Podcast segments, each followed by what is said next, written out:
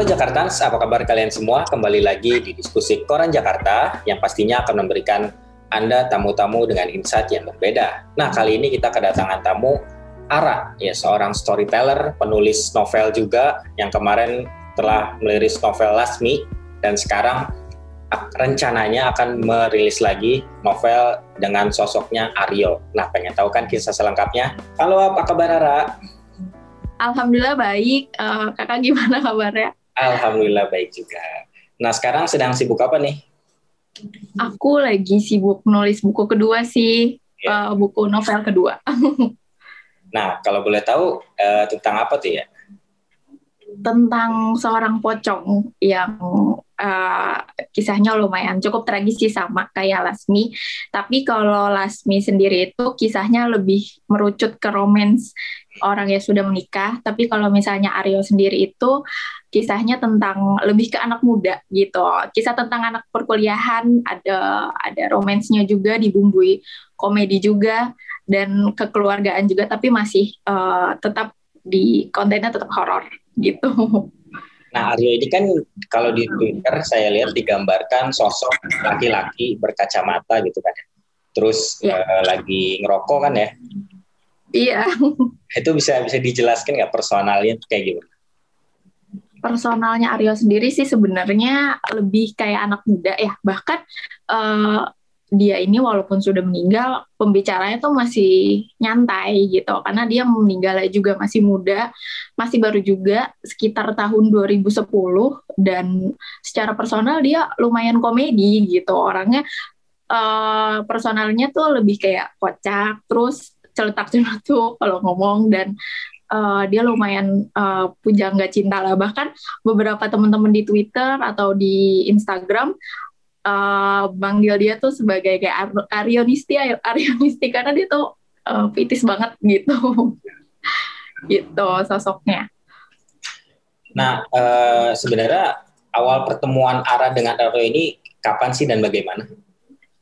Kalau pertemuannya sih mungkin sekitar tahun 2018 ya.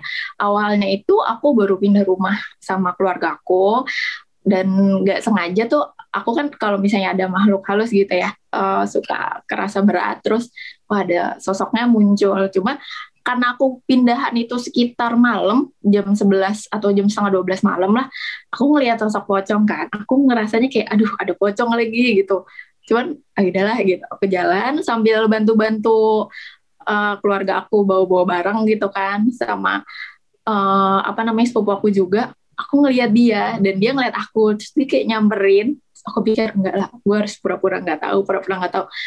Sampai akhirnya setiap hari tuh dia selalu ganggu gitu. Ganggunya sih lebih ke jahil ya. Kayak misalnya malam-malam nih jam 3 subuh aku baru bangun ke atau nggak kebangun dia tiba-tiba suka ngintip di jendela kamar gitu. Terus lama-lama akhirnya uh, aku kan sering ngobrol sama Lasmi ya di rumah.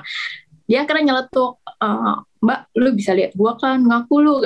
Gitu. Sama apaan kok? Dia ngomongnya kayak gini gitu aku awalnya cuekin cuekin cuman lama-lama kasihan juga gitu. Akhirnya dia berkisah nama gue Aryo kenalin dong gitu. Gue nggak punya temen di sini gitu. Akhirnya aku bilang ya udah deh ya udah ya. Tapi lu jangan ganggu gue aku bilang gitu. Iya iya gue janji. Akhirnya dia berkisah uh, dia dari mana kisahnya. Dan waktu penulisan novel Asmi juga dia kayak gue mau dong gue mau dong gitu. Ternyata pas aku dengerin kisahnya ya sedih juga gitu. Gitu. Nah kalau Aryo sama Lasmi ini sempat ada apa sih ya gesekan nggak gitu sebelumnya? Apalagi kalau gesekan? ketemu ya. Kenapa? Apalagi pas awal-awal ketemu gitu sih Aryo-nya datang. Oh, kalau gesekan sih enggak ya. Cuman karena dia tuh sosoknya lumayan jahil, kebetulan ada abang aku juga kan namanya Valen. Dia tuh suka diganggu, bahkan teman aku yang namanya Tito itu tuh tiba-tiba dia lagi tidur-tiduran, rambutnya tuh kayak naik gitu sendiri. Gitu tuh sampai dia kan manggil aku empo ya, karena aku lebih tua. Pora, apa, apa, rambut gua apa, apa gitu. Sampai dia panik gitu. So aku bilang, aduh jangan jahil dong gitu. Aku bilang kan. Sampai akhirnya pas Lasmi lagi main ya dia cuma kayak ngomong lah jangan jangan kayak gitu gitu sama Ara akhirnya dia ngerti gitu dia bilang ya cuma gue tuh bosen kata dia gitu lebih kayak gitu sih emang pada dasarnya pocong kan jahil gitu iya. gitu nah terus dari jahil bisa ke pujangga cinta ini bagaimana ceritanya kalau ceritanya sih panjang ya. ya. Uh, dia ini memang punya kisah cinta yang aku bisa bilang tragis ya. Uh, sama-sama tragis juga kayak Lasmi, cuman dia tuh lebih ke anak muda dan karena dia pernah mencintai seseorang dengan menurutku tulus banget, mau orang itu nyakitin dia kayak apa, tapi dia tetap ber, berjuangin si perempuan itu namanya Adeline. Dan karena dia udah ngerasain yang namanya ditinggalin, di PHP-in, terus kayak uh, udah berjuang dengan sedemikian rupa, sampai akhirnya dia tuh muncullah kata-kata yang romance apa ya kayak romance banget gitu terus puitis banget karena kisah cintanya itu gitu. Uh, istilahnya dia bilang sama aku kayak gini ya jatuh cinta diam-diam itu seperti gue dia bilang. Oh kayak nyakitin diri sendiri gitu. Awal mulanya karena karena kisah cintanya sendiri itu tragis gitu. Nah sebenarnya Aryo ini di sosok uh, dulunya itu tahun berapa sih? Kalau uh, dia cerita itu meninggal tahun 2010 mulai pertemuan dengan perempuan itu perempuan yang namanya Adeline dari tahun 2008 itu di gitu. pertemuannya di uh, dengan Adeline di kampusnya. Oh, jadi sama-sama mahasiswa ceritanya gitu ya? Iya, sama-sama mahasiswa gitu. Nah, terus, uh, dia bisa meninggal itu bagaimana ceritanya? Apa karena sakit hatinya atau gimana? Uh, kalau meninggalnya itu sendiri sih, uh, Aryo ini kan ayahnya uh, penjual kayak dagang bakso gitu di salah satu Jakarta Selatan lah di kota Jakarta Selatan. Tapi karena ayahnya ini butuh uang untuk menyekolahkan Aryo sampai ke jenjang perkuliahan, awalnya mampu gitu. Tapi karena persaingan lama-lama kan banyak pendatang juga yang berjualan gitu. Dia bilang sampai akhirnya ayahnya nih tergoda untuk melakukan pesugihan. Nah, karena udah lumayan banyak yang tahu kok karyawannya ini ganti-ganti gitu. Kok karyawannya ini sakit dulu sebelumnya sebelum pergi gitu.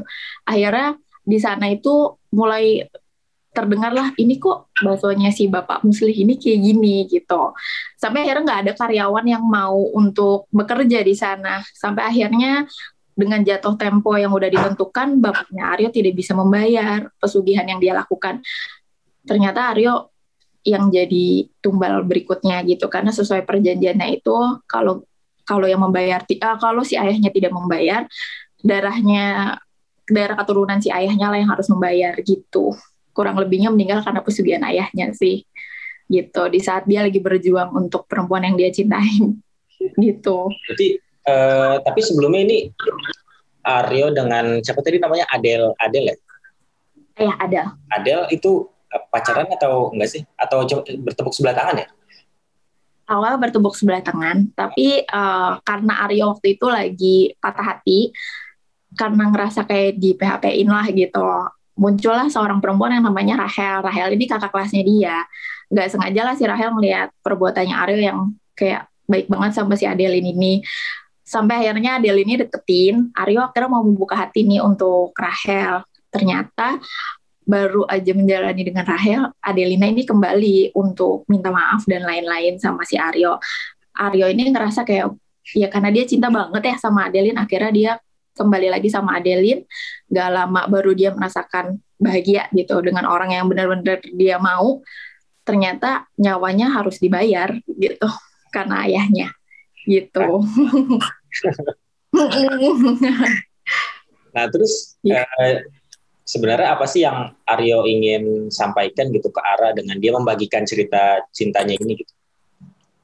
Kalau yang Aryo inginkan sih dia lebih bilang kayak gue cuma pengen cerita aja. Karena ih gue gak punya teman. Gitu. Dia bilangnya kayak gue tuh pocong cemen lah dia kalau ngomong gitu mulu karena dia gak punya temen. Akhirnya dia sering ke rumah aku ngobrol uh, terus aku bilang ya udah lu mau cerita lu gue ceritain juga ke orang lain. Kayak telasmi gitu. Iya dong mau dong gue kan mau jadi artis kata dia gitu. Terus aku cuma ketawa doang. Ya udah ya ya nanti deh gitu kan. Setelah selesai ini semua aku bilang akhirnya aku kisahkan. Dan Aryo seneng sih kayak banyak orang yang tahu dengerin cerita dia juga tahu kisahnya dia juga keinginan dia sendiri sih. Ya dia cuma pengen berkisah aja. Karena uh, setiap insan yang pernah hidup di dunia ini pasti kan punya kisahnya masing-masing gitu terutama sama juga kayak Aryo dan Aryo pengen berkisah gitu. Nah terus ini kan rencananya mau dijadiin novel ya? Iya. Kapan tuh?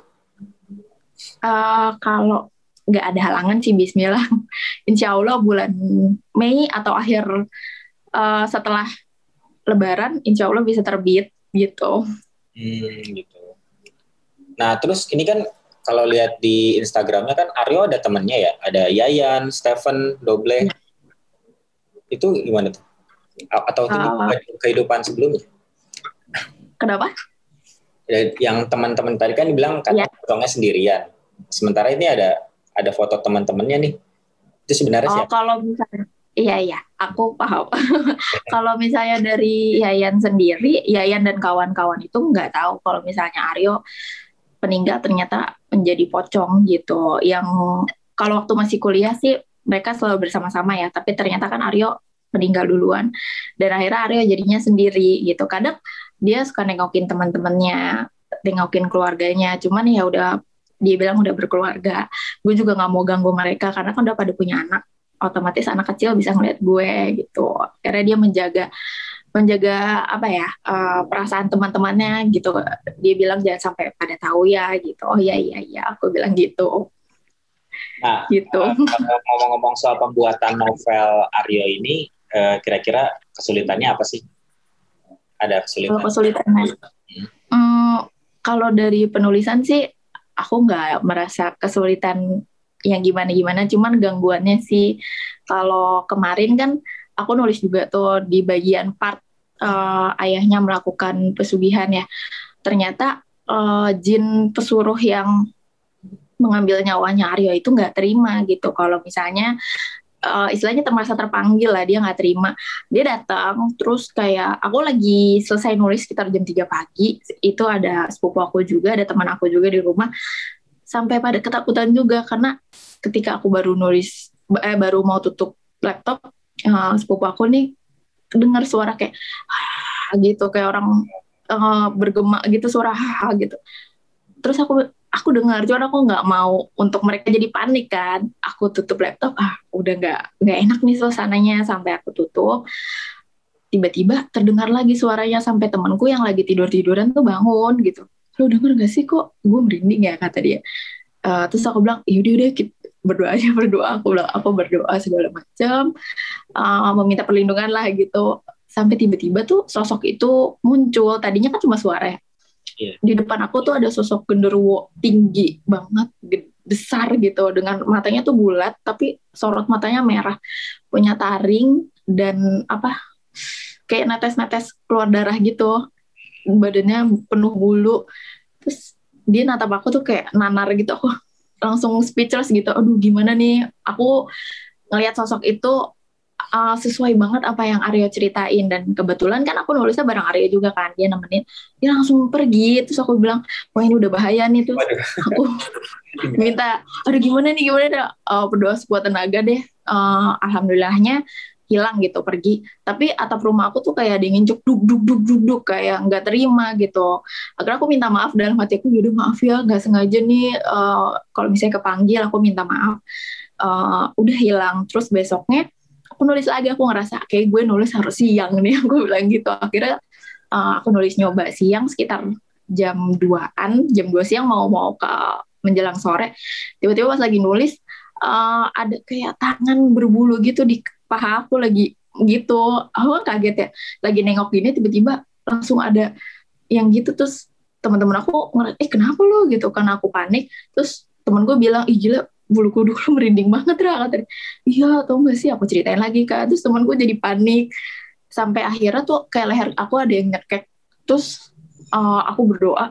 Pas aku lihat tuh di sini tuh kayak ada cakaran gitu. Makanya aku minta maaf lagi sama yang bersangkutan janji nggak akan maksudnya uh, bawa-bawa dia ke yang misalnya aku bilang sama dia kayak yaudah saya minta maaf ya kalau misalnya saya ngera saya bawa-bawa kamu di sini. Tapi maksud saya tuh nggak ngejelekin saya bilang sama dia. Saya cuma mau menceritakan kisah dari Aryo yang mungkin uh, yang bersangkutan kenal aku bilang gitu. Terus dia pergi dan akhirnya aku lebih perbanyak ibadah sih. Alhamdulillah sampai sekarang udah nggak ada gangguan lagi. Kalau kemarin tuh yang sampai nyalakain fisik aku takut juga gitu. Bahkan seorang Aryo aja sampai kabur gitu. Gitu. Nah, tapi dari hmm, dari gangguan-gangguan tadi itu sendiri sebenarnya uh, arah tulis juga nggak di buku nanti? Kalau itu atau hmm, belum kepikiran beda lagi? Uh, enggak, aku belum kepikiran sih, cuman mungkin uh, aku paling ceritanya kayak misalnya di Twitter aja. Tapi aku udah cerita sih gangguan-gangguan apa yang aku alamin. Kalau di buku aku masih belum kepikiran gitu. Nah, terus eh, di buku ini eh, sebenarnya kan kalau Aryo sendiri ini kan pengen nunjukin bahwa eh, aku tuh mati, tapi eh, sementara eh, apa sih tadi cintanya kan bertepuk sebelah tangan, lalu udah keterima, tapi ternyata aku malah ditumbalin gitu kan. Tapi sebenarnya di bukunya ini eh, pesannya itu apa sih? Kalau yang versi bukunya itu sendiri, apa yang memang plot benar-benar yang Aryo ceritain atau beda lagi? Uh, kalau dari buku sendiri sih aku lebih mengisahkan sudut pandangnya kalau di Twitter kan lebih ke romance uh, Aryo itu sendiri.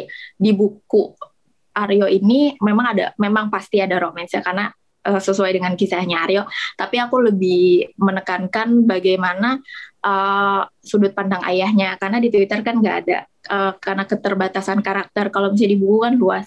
Jadi aku kasih sudut pandang ayahnya juga. Terus bagaimana cara pesugihannya cara Aryo menyelesaikan masalahnya uh, di hidupnya dia sampai akhir hayatnya. Dan uh, ada beberapa hal yang Aryo katakan yang aku masukin ke buku banyak teman-teman di Twitter juga yang nanyain gimana kalau misalnya setelah Aryo meninggal, teh uh, gimana sih Yayan dan teman-temannya gimana? Nah itu akan aku uh, masukin di buku gitu. Nah sekarang kita ngomongin yang uh, Lasmi kemarin. Yang Lasmi iya. kemarin yeah. sebenarnya uh, bagaimana sih tanggapan Lasmi ini se uh, semenjak kisahnya dijadikan novel? Kalau misalnya tanggapannya sih dia senang aja. Uh, kalau dia kan lebih banyak cekikikan ya karena kuntilanak kan ketawanya melengking dia ketawa-ketawa kayak uh, hatur nuhun ya neng gitu. Makasih banyak udah mau ceritain kisah uh, teteh ke orang banyak. Karena uh, teteh udah dari 100 tahun yang lalu tuh ngerasa kesepian. Um, akhirnya ada orang yang mau mendengarkan kisah nya Telasmi gitu. Aku bilang iya sama-sama gitu. Lebih mereka sih lebih banyak ingin untuk menceritakan kisahnya gitu. Sama aja sih kayak hantu-hantu yang lain gitu yang kadang aku temuin di jalan. Rata-rata tuh maksa untuk eh dengerin dong cerita gue. Nggak menutup nggak ada eh, ada juga yang minta tolong tapi lebih banyak ke pengen cerita gitu, pengen ada temen gitu. Nah sebenarnya apa sih yang buat Ara itu uh, betah gitu dengerin cerita mereka gitu apa sih Oh, kalau aku sih dari aku pribadi, aku kan emang suka dengerin cerita orang ya. Yeah. Maksud dari manusia pun orang-orang pada curhat, aku denger oke okay, gitu. Uh, bahkan dari yang bangsa mereka juga aku dengerin, aku ngerasa kayak oh ternyata ada kisah yang ternyata seperti ini gitu, yang ada juga uh, apa namanya pelajaran yang bisa aku ambil ternyata ada hal-hal yang nggak aku pikirkan itu ada gitu di dunia ini ternyata terjadi kisah ini gitu. Uh, yang mungkin manusia di dunia ini nggak pernah ngalamin tapi ternyata bangsa mereka ngalamin gitu. Uh, ya balik lagi setiap orang yang pernah ada di dunia pasti ada kisahnya gitu. Aku sih lebih seneng dengerin sama ada sebuah hal yang bisa aku pelajarin dari kisah-kisahnya mereka gitu. Oh gitu terakhir nih kira-kira harapan Ara sendiri apa sih oh, untuk para pembaca setia Ara?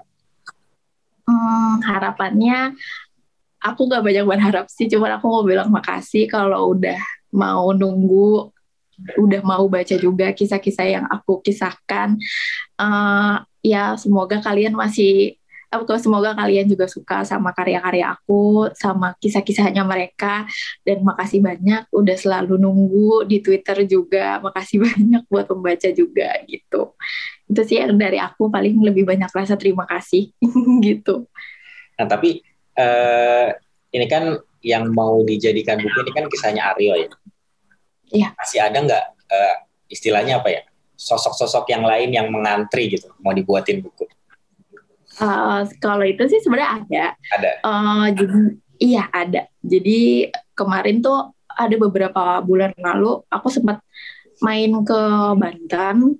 Ternyata aku nemuin sosok uh, pribumi, ya, sosok orang kita lah gitu. Cuman ya kisahnya lumayan sedih gitu. Aku belum banyak untuk ngorek-ngorek dia sih. Karena aku belum ke sana lagi cuman aku udah ngeklik oh ternyata ceritanya kayak gini nih bagus juga gitu. Ternyata sedih juga. Banyak uh, sejarah juga karena beliau ini kalau dia bilang uh, nama panggilannya itu itu. Dia ini sudah hidup di tahun 1800 kalau nggak salah. Aku lupa oh, udah aku catat sih. Uh, itu semasa uh, hidupnya itu semasa pahlawan revolusi gitu. Jadi aku pengen dengerin kisahnya lebih banyak sejarahnya sih waktu sebelum kemerdekaan gitu. Yang pengen aku pengen aku dengarkan. Cuman aku belum sempat ke Banten lagi gitu. Tapi gitu. dia nggak nggak ngikutin arah ya? Enggak, karena dia masih tetap stay di sana gitu. Nah untuk itu uh, udah ada progres menulisnya atau belum? Atau masih dirancang aja belum sih, belum dirancang juga karena masih uh, selesai dulu deh ceritanya Aryo. Setelah selesai mungkin aku akan kembali ke Banten gitu. Oke, gitu. nah Jakarta pasti penasaran kan apa sosok apa sih yang lagi mengantri ini untuk Aryo ceritakan. Untuk itu saksikan terus diskusi Koran Jakarta yang pastinya akan memberikan tamu-tamu yang inspiratif uh, bagi kalian semua. Terima kasih untuk Ara atas waktunya ya. Iya sama-sama kak, makasih juga ya untuk. Nah kita nantikan nih eh, kisah-kisah berikutnya nanti kan bisa ngobrol lagi, dicerita lagi di sini. Iya. nah sekian dulu diskusi Koran Jakarta kali ini. Uh, stay safe, stay healthy. Dah, sampai jumpa.